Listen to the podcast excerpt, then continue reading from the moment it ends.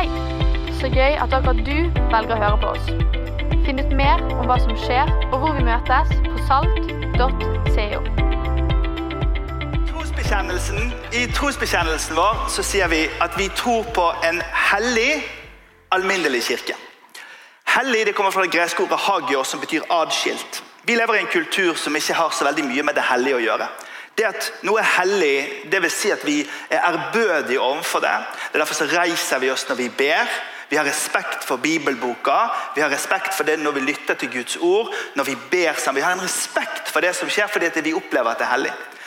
Himmelen kom til verden, til det alminnelige. Derfor så sier vi hellig alminnelig kirke. For det er vi alminnelige menneskene som utgjør kirken i verden i dag. Vi gjør feil, vi har mangler, vi sårer hverandre. Vi mister fokus til tider. Av og til så går det bra, eh, av og til så går ikke det så bra. Men i alminneligheten så besøker altså himmelen det alminnelige. Det er ikke to etasjer i troen vår, men det er begge deler sammen. En hellig, alminnelig kirke. Nå for tida, I en sekulær tid som vår så virker det som om at vi er bedre på det alminnelige enn vi er på det hellige. Og Hvis du lytter godt etter språket i enkelte kirkelige sammenhenger, så er det mye snakk om menneskerettigheter, rettferdig fordeling, bærekraft og sosial rettferdighet. Sånne ord som gjerne, like, gjerne kunne vært brukt i andre sammenhenger, som ikke nødvendigvis har en religiøs, religiøs eh, tilknytning. Jeg tror at Kirken er bedre på verden enn vi er på hellig for tida. Men det er altså slik i vår trosbekjennelse at vi sier vi skal gjøre begge deler samtidig. Og Derfor så sier vi la oss bygge en kirke som er våken, og som holder folk våken. Stefan Gustavsson han er en svensk trosforsvarer. Han eh, tegner opp en linje i utviklingen av ideologi i Europa. Jeg skal gå kjapt gjennom med, den, med deg i dag. Vi skal inn i den grønne sirkelen her øyeblikkelig. 400 år før Jesus kom, så var det noen filosofer som het stoikerne. De, de skapte Protagoras, og disse de kom med det som ble grunnlaget for humanismen, som vi er helt for. Altså Menneskerettigheter, rettferdighet, eh, det at man skal behandle mennesker på, på en god måte. Altså Humanismen er super. Selvfølgelig vil vi ha humanismen. Men det er på en måte én linje som går i europeisk historie under linjen, og så er det den linjen over som går der også. Disse to har gått parallelt igjennom de siste 2000 årene. Jesus kommer og kom for etterfølgerne sine med seg. I år 300 i Romerriket så bestemmer eh, Konstantin i 312 at eh, greit, vi går med på at den kristne troen er bra, så han gjør det om til statsreligion. Det som skjer videre framover da, i, over linjen her under linjen så kommer altså da renessansen på 1400-tallet, som er en oppvåkning til kunst og kultur og liksom de flott, flott arkitektur og, og, liksom opplysning på mange, foreløpet til opplysningstiden. Trykker vi videre her. Reformasjonen kom på 1500-tallet med Martin. Han eh, tok et oppgjør med religiøsiteten i den katolske kirke. Her i Norden så syns vi det var en knakende god idé. Eh, det, religiøsiteten i Norden ble senket i aktivitetsnivå betraktelig gjennom reformasjonen. Fordi at eh, befolkningen ble satt fri her oppe, og vi liksom fikk det bra. Jeg skal ikke kommentere for mye på det. Så går vi inn i opplysningstiden under linjen her. Opplysningstiden er for alvor den tiden hvor det virkelig begynte å bli en spenning med den kristne troen og det som eh, vitenskapen brakte med seg. Vi er helt for vitenskap ikke sant? og helt for naturvitenskap og helt for, eh, for eh, forskning. og det, Alt det der tommel opp, tommel opp, tommel opp. Utfordringen i opplysningstiden var imidlertid dette at eh, når man skulle gjøre opprør eller oppgjøre med religiøsiteten, ja, så dro man også ting i retning av eh, det som er synlig, prøvbart og vitenskapsismen, som vi kaller det. På universitetene i Europa så var teologisk fakultet rett bortenfor naturvitenskapelig fakultet. Så når presten sa det at Jesus gikk på vannet, så kom det en forklaring om at ja, mest sannsynlig var det rimelig grunt den gangen.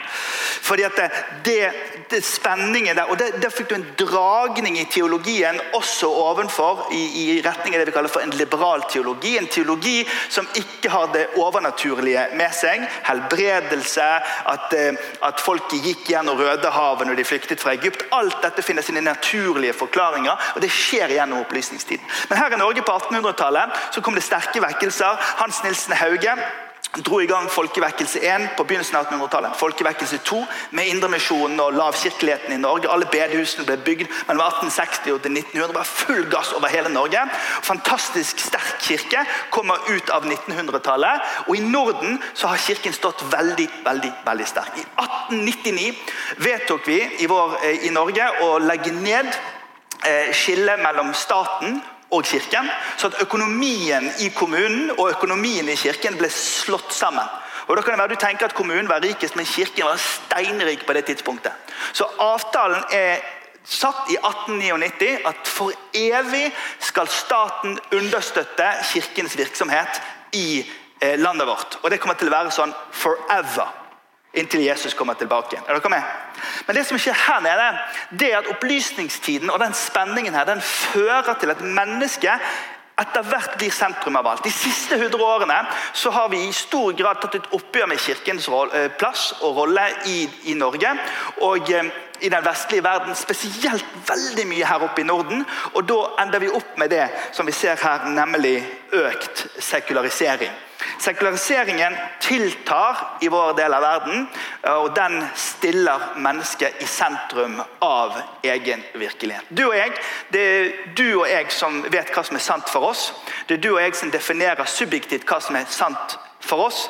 Det er Menneskets sentrum, menneskets vekt, er å bære og være arkitekt for sin egen lykke. Og dette dere, har ikke bare positive konsekvenser, men det er slik verden ser ut i dag. Og så spør vi spørsmålet hvordan skal man bygge inn kirke i alt dette. da? Hvordan skal man komme med en evangelium Jesus Kristus på en slik måte at det blir hørt, trodd og til forvandling i livene for mennesker i dag. Det er det vi søker å gjøre i vår kirke. Salt som vi startet her for mange år siden, og som vi enda tror at har mange gode år i seg. Dette er vår utfordring. Vi skal lese en litt rar tekst fra, unnskyld, fra Apostlenes gjerninger, kapittel 20. Og der, eh, I kapittel 20 der eh, finner vi at eh, Paulus har vært på reise. og Så kommer han til en by, og så har han et kveldsmøte med gjengen sin. og Det er en rar tekst, og jeg skal bruke en litt sånn rar pedagogisk form her. Men jeg skal gjøre det for å dra gjennom noe kulturbærende elementer av hva vi ønsker å se i Salt også i det året som kommer. Er dere med på den? Den første dagen i uken var vi samlet for å bryte brødet. Paulus talte til dem, og han holdt på helt til midnatt siden han skulle reise neste dag. Vi var samlet i en sal i øverste etasje, og der var det mange lamper. I vinduet satt en ung gutt som het Etykos. Da Paulus talte så lenge, så falt han i dyp søvn og overmannet av søvn falt han ut av vinduet fra tredje etasje. Da tok de ham opp, og han var død. Skikkelig sterkt møte, for å si det på denne måten. Men Paulus gikk ned, bøyde seg over ham og slo armene rundt ham. Vær ikke urolig, sa han. Det er liv i ham. Så gikk han opp igjen, brøt brød og spiste, talte igjen lenge, helt til det lysnet. og Da dro han av sted. og Gutten brakte de hjem i live, og det var til stor trøst for dem. Det som jeg skal gjøre i løpet av de neste minuttene, er altså å ta denne teksten, og så skal jeg helt i ytterkanten av det som er forsvarlig av bibelfortolkning, forsøke å henge på denne teksten noen kulturelement som har vært og er viktig for oss, og som vi ønsker styrket.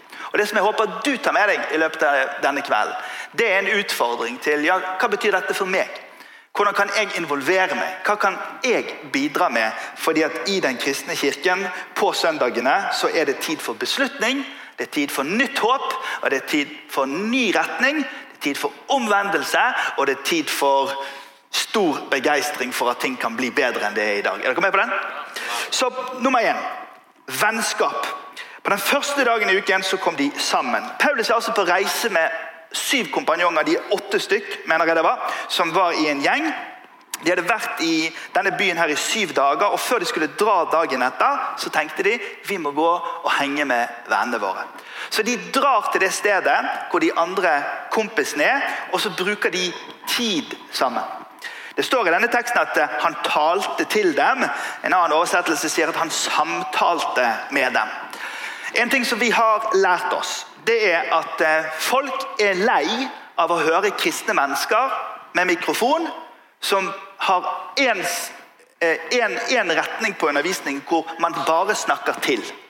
Derfor er det så avgjørende for, en, for, et godt samhold i en kristen kirke at vi snakker med hverandre, og at presten slipper å bare snakke til gjengen.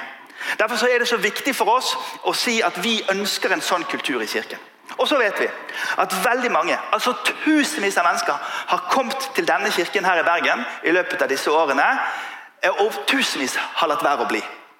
Det vi vet fra forskningen, er at folk kommer gjerne fordi de har hørt at det er bra musikk og gode taler. Men den eneste grunnen folkens, hør på meg nå, den eneste grunnen til at folk blir i en kristen kirke, det er om de finner venner der. Og Akkurat nå så er det slik at det er en ensomhetsepidemi i den vestlige verden og eh, i landet vårt. Pandemien har bare trykket på nettopp den en, en alenegangen som veldig mange mennesker opplever i livet sitt. Det er så mange rapporter at det er blitt et folkehelseproblem. At gutter og jenter opplever å gå alene gjennom livet, streve med å få bygd relasjoner. Og jeg tror at Hvis vi skal være på vårt beste som kristen kirke i en sekulær tid som dette, så skal vi børste støv av sånne ord som søskenkjærlighet. Det å være bror for hverandre, det å være søster for hverandre. Det at de som er sterke, skylder å bære de svake. Det at vi kan være medvandrere med hverandre. Jeg er overbevist om at eh, Den kristne kirke kan være et sånt sted av vennskap. Jeg prøver å være forsiktig med mengden jeg bruker ordet familie i denne kirken. Det holder jeg litt tilbake på. fordi at Det ordet det kan bety så mye og så forskjellig. At Vi bruker ikke det ordet så, så mye at det igjen gjør at folk føler seg utafor. Men la oss prøve å finne de vennskapsordene som gjør at vi tør å komme tettere på hverandre. Kristne lederne i denne kirken kan ikke være relasjonsarkitekter for alle. Men vi kan si til hverandre kan vi være relasjonsarkitekter sammen. Slik at vi hjelper hverandre å finne fortrolig vennskap og kan gå gjennom livet sammen. For det andre, Paulus førte altså disse samtalene med folkene. Han førte samtaler. Folk ønsker å bli hørt, folk ønsker å samtale. I den kristne tradisjonen som pinsevekkelsen står i, da, som er, vi er en del av den tradisjonen. Eh, og bedehusland, Vi er gjerne vant til det at etter preiker så, så, inviterer vi folk til å komme fram og bli bedt for. Det gjør vi fortsatt her. Men det er et eller annet med at eh, i historien så har vi nok overvurdert eh, den transaksjonen som skjer når noen blir bedt for på slutten av en gudstjeneste. Vi tror det trengs mer enn bare en velsignelse. Derfor så sier vi at Den ene pilaren i denne kirken er at vi kommer sammen på søndag. Den andre pilaren er at vi kommer sammen i smågrupper. Smågrupper er et bærende element. Når vi startet denne kirken for nesten 20 år siden, så sa vi vi skal ikke ha en travel kirke, men vi skal ha disse to pilarene stående. Vi møtes på søndagen, og så møtes vi på onsdagen. Og eh, Det med smågrupper har vært viktig eh, for oss. Eh, vi, vi, sa det i, i, en tidlig utgave av, eh, av den boken 'Tusen hjem'. Så sa vi det at, eh, vi det at smågruppene fungerer best hvis folk har omtrentlig samme alder og omtrentlig samme kjønn. Og Da skjønte vi at vi måtte revidere, vi måtte revidere den siste setningen. Men, men vi, vi, forsøker å strukturere smågruppene slik at det skal være naturlige relasjoner i det, for at det skal fungere på en god måte. Og eh, vi sier det rett ut. La oss forsøke å følge Jesus i pedagogikken også. Jesus han eh, underviste 16 ganger, proklamerte 20, forkynte 22, spurte spørsmål 303 ganger og svarte på spørsmål 144 ganger. Jesus lærer oss at eh, god trosopplæring skjer i samtalene så Derfor så vil jeg ikke at vi skal tenke at smågruppen er bare et tilvalg. Vær så grei å høre oss si at smågruppen det er selve stedet hvor vi får stilt spørsmålene i et trygt miljø sammen med, med andre. Det har vært en vinning for oss, og vi håper at det skal være det også i årene som kommer. Og så har jeg en ting rent sånn strukturelt som jeg angrer på, og som jeg skulle ha vært mye bedre på og vært mye mer våken for som kristen leder. Eh, for, for rundt 20 år siden var jeg involvert. Vi drev og holdt foredrag rundt omkring om, om trosforsvar og trosopplæring og verdensbilder og sånn. Og eh, jeg må helt alt si det at eh, hadde vi gjort noe av det vi bestemte oss for for 20 år siden, så, så, tror jeg ting hadde vært annerledes for, for ganske mange eh, troende i, i, Norge. Jeg tror kanskje også noe av det politiske Norge hadde faktisk sett litt annerledes ut hvis vi hadde lyktes den gangen å legge trøkket på for å styrke trosforsvaret i Norge.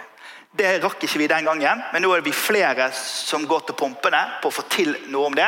For Grunnen til at jeg sier dette med litt sånn, litt sånn tristhet, det, det er det at altfor mange unge går igjennom skolen og lærer at Gud ikke fins, samtidig som man går i kirken og får høre at det kan vi stole på.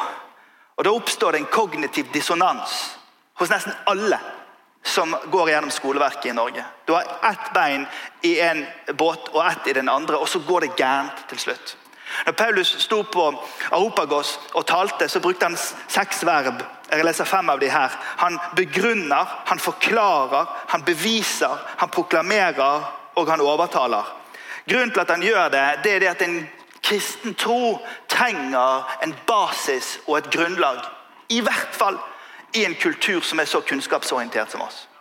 Og jeg er overbevist om at Hvis vi ikke nå snur hver stein i trosopplæringsplanene våre og inkorporerer faktisk i måten vi arbeider på med trosopplæring, også med den generasjonen som er rundt 20 år, så vil vi få store utfordringer med å gi ammunisjon til den som står for Jesus. På arbeidsplass og i klasserom og i barneoppdragelse. Så Det er sånt, noe som er viktig for meg. La oss, la oss gjøre dette i fortsettelsen i samtaler oss imellom. For det tredje forkynnelsen. Eh, altså Han skulle dra dagen etter og så holdt, dro han ut talen sin eh, til midnatt. Og jeg kjenner meg litt igjen. I hvert fall i den fristelsen. til at liksom, Jeg har så mye jeg har lyst til å si til deg, så sitt i ro, så skal jeg si det. Eh, jeg husker jeg var på, på sånn leir. Jeg skulle bare vise noen få minutter på en sånn mirakelvideo. Jeg hadde 100 eh, folk med meg på sånn leir inne i FUSA her inne og, eh, og 15 minutter. og Ariana, datteren vår, var liten, og sånn, og jeg var jo på mitt 45. minutt i de fem minuttene som jeg skulle bare si litt.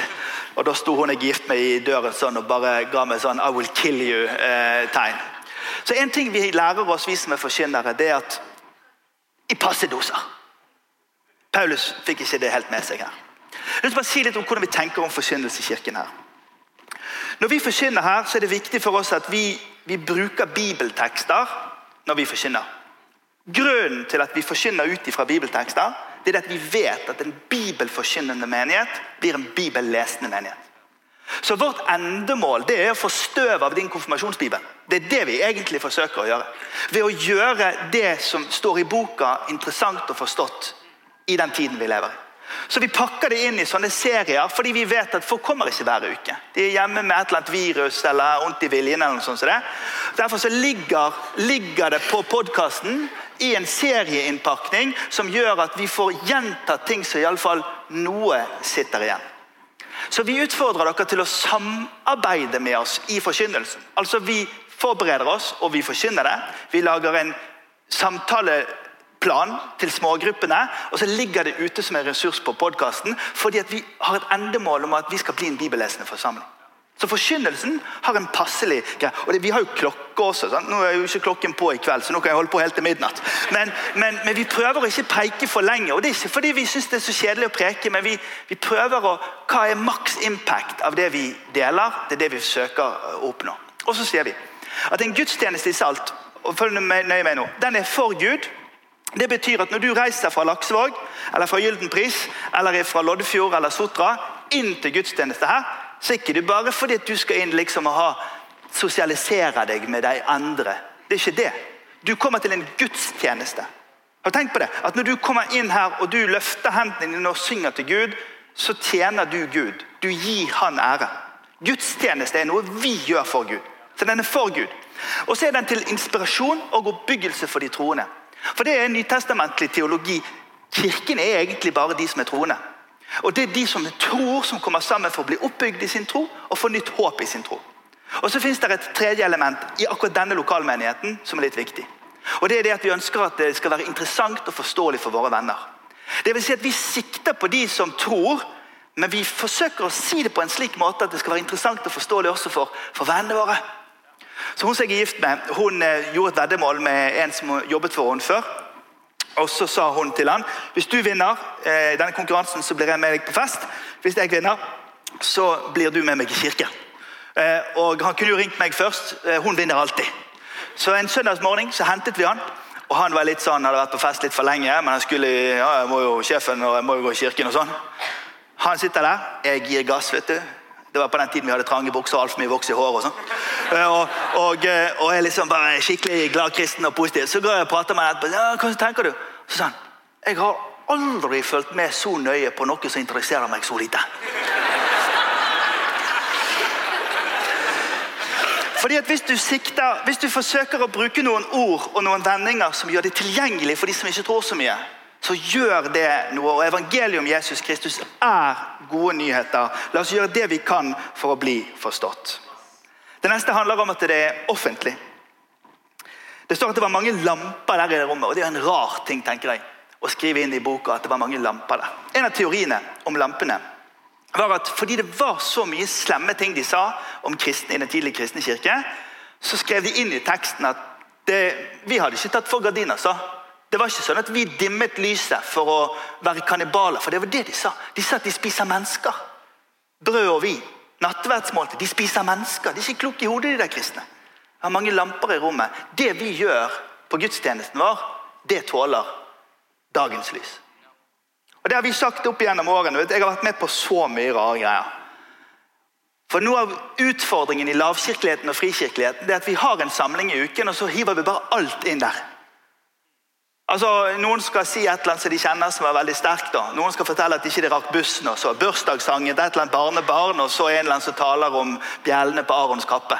Og Så får du liksom alt inn i det samme, og så sitter du igjen med altfor mye. Så vi har i alle år bestemt oss for at hvis NRK kommer inn hit og filmer, så endres vi programmet. Vi bare kjører. Kommer TV 2 og filmer, da må vi endre litt. Men, eh, men, men poenget er dette. Det vi gjør må være offentlig. Fordi det vi gjør når det er offentlig, det er det bærende offentlige. Det som skjer i hovedskipet i katedralen, er alltid offentlig. Så er det noen sånne sidekapeller med ledersamling og bønnemøte og litt sånn som gjerne ja, nødvendigvis ikke er sånn superkommunikativt. Og Det er helt greit å gjøre det i kirken også, men det er forskjell på offentlig og privat. Og Vi har lyst til at dere skal vite det. Og så syns jeg det er dårlig gjort av folk liksom, ja, ja, de driver jo bare planlegger hele tida. Og, og lovsanger fra Karmøy, de som kommer fra Førde, får ikke lov å være med og synge, for de er ikke kule nok. liksom. Og sånn, Sånne slemme ting. liksom. De er ikke så kule, de der fra Karmøy. Det, ikke si det. Poenget er at Folk kan mene veldig mye om at vi har gudstjenesten varer 90 minutter og vi prøver å ha en, en, en plan for det. Men poenget er jo det at det gjør at folk har lyst til å komme hjem neste uke også. Vi har hatt gudstjenester i denne kirken her nå i snart 19 år. Og vi har hatt færre enn fem søndager uten nye folk. Og Det er noe med at det opprettes en kontrakt mellom oss som driver dette, og vi som er kirke, og alle som tar med seg venner på besøket. Ved at liksom det her greiene det tåler dagens lys. Vi har mange lamper i dette rommet. Det neste handler om relevans. For Det er jo her det blir skummelt i denne fortellingen. At i vinduet så satt det en ung mann som het Eutykos. Og når Paulus talte så lenge, så falt han i dyp søvn. Og overmannet av søvn falt han ut av vinduet fra tredje etasje. Da de tok han opp, så var han død. Og jeg tenker dette er grunnen til at jeg leser veldig nøye CV-en til de som søker på jobb i denne menigheten. Har noen dødd når du har hatt andakten? Fordi at Dette må jo være det absolutte bunnpunktet for enhver prest og predikant og trosopplærer. For vi vet jo ikke om han kastet seg baklengs ut fordi det var så kjedelig. at det, var, det bedre å bare forlate dette livet. Jeg orker ikke mer av denne andakten. En annen teori om lampene var at disse lampene slapp ut litt gass, som gjør at de ble trøtte. Og Se for deg at Eutykus har vært på jobb. ikke sant? Han har vært på havnekontoret der nede. Så han har sittet og jobbet litt med noen sånne steintavler og skrevet inn liksom, Jeg vet ikke om de hadde steintavler. Han skrev sikkert på et eller annet og jobbet der. og Så kom HR-avdelingen inn og sa at ja, nå er hun gravid, og hun skal ha permisjon, og han skal ha farspermisjon. ja, han har vondt i viljen, ja, hun altså, altså, så han, han sitter, ja. Og så kommer det melding fra kontoret. ikke sant? Liksom, du bare må komme i kveld, for det kommer en misjonær på besøk. og Han har vært ute, det er helt fantastisk, og det er bare så sterkt. og bare så fantastisk, du bare må komme. Hvis du skal være være med på det Gud gjør i verden i dag, så kommer du i kveld. Og han bare, å herlighet. Og han kommer opp da på det der kristne møtet, og når han kommer opp på det der kristne møtet der, så bare står han der fyren. Han slutter jo aldri. De setter aldri på klokken. Null klokke. Han bare Flintstone-språk. ikke sant? Og han bare, jeg husker Hun som er gift med Gina, hun gikk nå, for dette, hun orker ikke fire møter på søndagen. Hun er ikke så sterk i troen som meg. Så hun ga seg nå. Men, men hun, hun, hun, vi var jobbet i Amerika i en menighet der, og, og hun, hun, sovnet i kor. Hun sang i menighetskoret. og Hun hadde ikke lyst til å synge i menighetskoret. Hun bare gjorde det, jeg tar en for laget. Så hun sang, satt på scenen. Så, forferdelig å sløse mot søvn. Eutykus sitter i vinduet, og så bare tenker han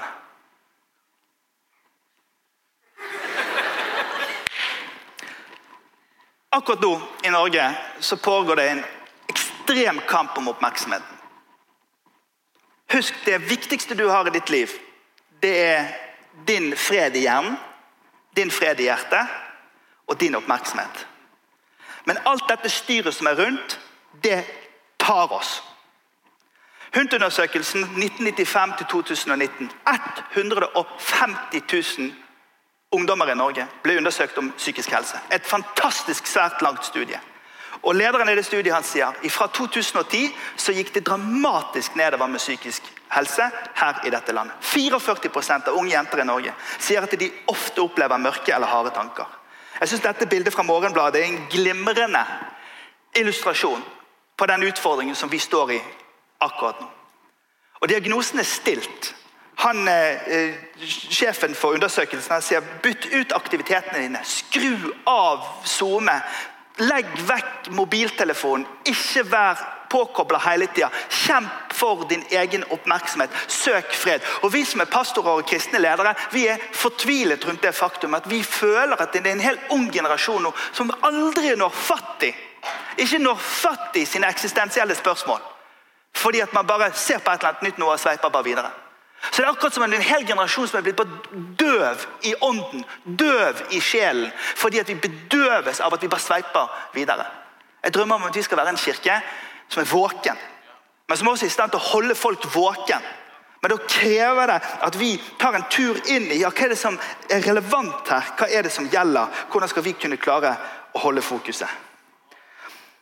Og Paulus han får panikken. Og Jeg skjønner godt at han fikk panikk, fordi eh, han ser jo da, mens han står der og taler, at Eutykus farer ut. Tre etasjer ned. Og jeg, Han løpte, han tenkte liksom Har vi sikkerhetsteam? Nei, jeg har ikke sikkerhetsteam. Har vi hjertestarter? Nei, han er ikke oppfunnet ennå.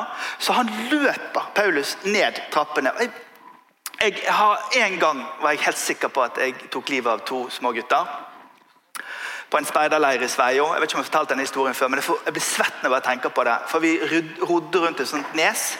Eh, og etter vi hadde rodd rundt et sånt nes, så var det bare, vi var to kanoer. Men det var bare min kan, meg og Frode. En liten Frode og meg. Dere kjenner ikke den Froden, han var veldig liten og jeg var veldig sterk. Og Vi kom rundt et sånt nes, vi la inntil kanoen, så gikk jeg opp på en liten sånn høyde og så så jeg utover eh, det der vannet vi hadde rodd i motvind i, og det var ingen kanoer. Kroppen min husker enda, jeg, jeg har drept to speidergutter. Og hvis du, Det kan godt være du har drept noen her, i dette rommet, da vet du hva jeg snakker om, men da er ikke vi mange. Eh, og eh, Jeg skal ikke fortelle resten av den historien nå, men den følelsen som Paulus må ha hatt når han sprang sprang, sprang ned, og han bare tenkte Hva gjør jeg nå? Dette kommer ikke til å se bra ut på CV-en min. Så henter han opp den fortellingen og den profeten som kom til en, en, en dame som hadde en død sønn. og Da la han seg oppå han og lot kraften fra kroppen sin gå inn i kroppen til den lille gutten. Og så gjør han det. Ligger han der på fortauet. Bare se det for deg. kommer det tiktoker og, og sånn Nei, tiktoker, er det dette? De der eh, rikshaer. Eh, tiktoker. Det er sosiale medier. Ja, så, så, og, og, liksom esel og folk som går forbi. Han bare ligger han på fortauet sier han er ikke død. Så det går greit, dette. Koser seg nå. Ligger, går, går. En av de store misforståelsene om kristen tro er at det er åndelig alene. Det er feil. Den kristne troen er i aller høyeste grad en materiell tro. Vi tror at Jesus kom i kjøtt og blod, døde i kjøtt og blod og sto opp igjen i kjøtt og blod. Vi tror at Gud bryr seg om våre kropper når vi er syke, så derfor ber vi for de som er syke. Vi tror han bryr seg om våre relasjonelle utfordringer og bringer forsoning til våre relasjoner. Vi tror at han hjelper oss når vi er i nød og i krise. Vår Gud er i aller høyeste grad en fys interessert i det materielle. Denne nynostisismen som åndeliggjør alt i kristen tro, må vi kjempe mot for alt det er verdt. Derfor så løfter vi fram behovet og troen på Guds kraft. Og jeg har en nød inn mot dette året, og jeg deler den med dere nå. At jeg kjenner på at noen ganger så blir menneskefrykten stående over gudsfrykten også i denne menigheten. Hvor vi istedenfor å gå til forbund, be for og med hverandre og være åpne om at jeg trenger at noen ber for meg nå, så er vi så redd for hva de andre sier at vi lar være å gå til forbund, eller vi lar være å snakke sammen om det. Det er som om menneskefrykten er en cap over gudsfrykten. Og jeg ber, Kan vi dette året bare bytte plass på de to tingene? Sånn at vi som frykter Gud, kan søke Gud og få hjelp ifra ham. Han gamle Rektoren min når jeg studerte, han sa det at eh, vi som er pastorer og ledere, vi må gå først til forbønn. Og Hver gang jeg er ute på tur en eller annen plass i verden, og det er noen som inviterer så går jeg til forbønn. Jeg går og blir bedt for. Hvorfor? Jo, fordi at jeg ønsker at uh, min gudsfrykt skal være over min menneskefrykt. Jeg har ingenting som sier at jeg har alle medaljene på plass, som gjør at jeg har alt på plass. La oss vise hverandre at vi trenger å bli båret. La oss vise hverandre at vi trenger sjøl å bli bedt for. For når vi gjør det, så løsner Guds kraft også i rommene våre. Etter dette hadde skjedd, så gikk han opp igjen og så fortsatte han å bryte brødet. Og så snakket han helt til det ble dagslys. Og jeg tenker, Da har du selvtillit. Du preker så lenge at en kis detter ut og dør. Og etter du er ferdig med det, så fortsetter han å vise lysbilder og tale. Og jeg har tenkt, og jeg har vært masse inne i det rommet og tenkt liksom, hva snakket han om da? Jeg vil at vi skal snakke litt om måten vi framlegger Guds ord på, på en slik måte at folk holder seg våken. Vi kommer å bruke litt illustrasjoner av og til. Kanskje han sa det. Eller så sa han dette med lufteanlegget. Skal vi ta oss og gjøre en liten sånn spleis og kjøpe nytt lufteanlegg? Og du gutter, skal vi ta oss og bytte ut de der gasslampene med noen batterilamper? Sånn at det, altså det, Jeg vet ikke hva han snakket om. Men det vi vet på denne siden av 2000-tallet, er at den hver kirke som tenker at de skal bare fortsette å snakke til folk, kommer til å tømme huset. Vi må snakke sammen. Vi må gi mulighet til å gi respons. Vi må få lov til å komme og løfte fram spørsmål og utfordringer som man gjerne ikke har fått orden på. Og til slutt, og da skal jeg gi inn for landing Folket de tok imot denne unge mannen. Den så rar, den teksten. Gutten brakte de hjem i live, og det var til stor trøst for dem. Jeg tenker at Det der har de skrevet en eller annen plass her på Vestlandet. Det er i hvert fall ikke fra United States of America. I Texas har det stått Oh my God, it's a miracle. He is alive. He was dead, but now he lives, and everyone's gonna get saved. Amen and yay. Eh, altså, De ble ikke så lite trøste. Jeg vil at du skal leve deg, leve deg inn i historien til Eutykius. Han hadde jobbet på havnekontoret det er opplagt bare min fantasi. Så går han opp dit, han er dødstrøtt. Han hører på historiene som den gamle mannen forkynner. Men han opplever et møte med Gud og et mirakel skje i, sin egen kropp. Fram til denne dagen hadde Eutykius vært en som var etterfølger av de andre sin fortelling. Men denne kvelden så fikk han sin egen fortelling. Og det vi vet, de siste 200 årene med vekkelsesbevegelser i Norden, det er dette. Vi vet at hver ny generasjon trenger sin egen erfaring med Jesus. Hver ny generasjon trenger sitt eget møte med Jesus. Og det er så mange mammaer og pappaer som ber for ungene sine. Som sjøl opplevde noe med Jesus når de var unge. Men opplever at det drøyer for lenge. Og vet du hva? For helt ærlig, Det er litt lenge siden nå at det har tatt helt av i Norge. Det er lenge siden vi har sett eh, ganske omfattende ungdomsvekkelser og, og, og, fornyelse blant folk. Men jeg er overbevist om at det kommer til å komme. Vet du, På slutten av 60-tallet i Norge så var det ingen kø på utsida av prestestudiene i dette landet. Det var nesten ingen som skulle studere til å bli prest i Norge. I disse dager så går de inn i pensjon, de fleste, som fylte opp de teologiske fakultetene på 70-tallet. For det Gud gjorde på 70-tallet, var at han sendte den karismatiske fornyelsen til Norge. Han gjorde en Jesusvekkelse på 70-tallet som fullstendig gjennomgripende forandret Norge. Ja, det gjorde han. Og Vi har sett dette skje opp gjennom tiden, men nå føler jeg det såpass lenge siden at det er akkurat som med meg for i mitt indre øye kan bare se en sånn, et sånn timeglass som er snudd. Nå er, det nest, nå er det nesten rent ut. Før Gud igjen kommer til å ryste oss på en slik måte at han bringer fornyelse over dette landet. Og Det ber jeg om. Og Hvis vi skal lykkes med å holde folk våken, ja, så må det bygges lokale, sterke menigheter som er i stand til å gjøre det. Så Derfor ber jeg deg om å være vennlig innstilt. Jeg ber deg om å være positiv. Jeg ber deg om å være en samarbeidsperson. Jeg ber deg om å være en deltaker og ikke bare en tilhører. Jeg ber deg om å være en bringviterer og ikke bare en inviterer. En som tar med deg nye mennesker. For vi skal hente igjen det gapet som er mellom før pandemien og nå. Vi, er, vi går for halv maskin i forhold til den kraften vi hadde før pandemien. Det mener jeg seriøst. Altså, vi har masse å gå på. Inn i ungdomskulturen i Bergen og inn i studentmiljøet i Bergen. Og alt det kommer til å komme tilbake. Jeg er helt sikker på det. For det er det som skjer nå, det er at vi bare girer ned og ber. Vi bare søker Gud. Vi spør om råd. Vi samarbeider, vi samhandler, vi varmer opp greiene. Fordi vi ønsker å være en våken kirke som holder folket våken. Evangeliet om Jesus Kristus er Guds kraft til frelse.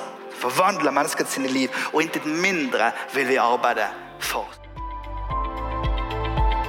Takk for at du hørte på. Håper vi snakkes enten her eller i kirken neste søndag.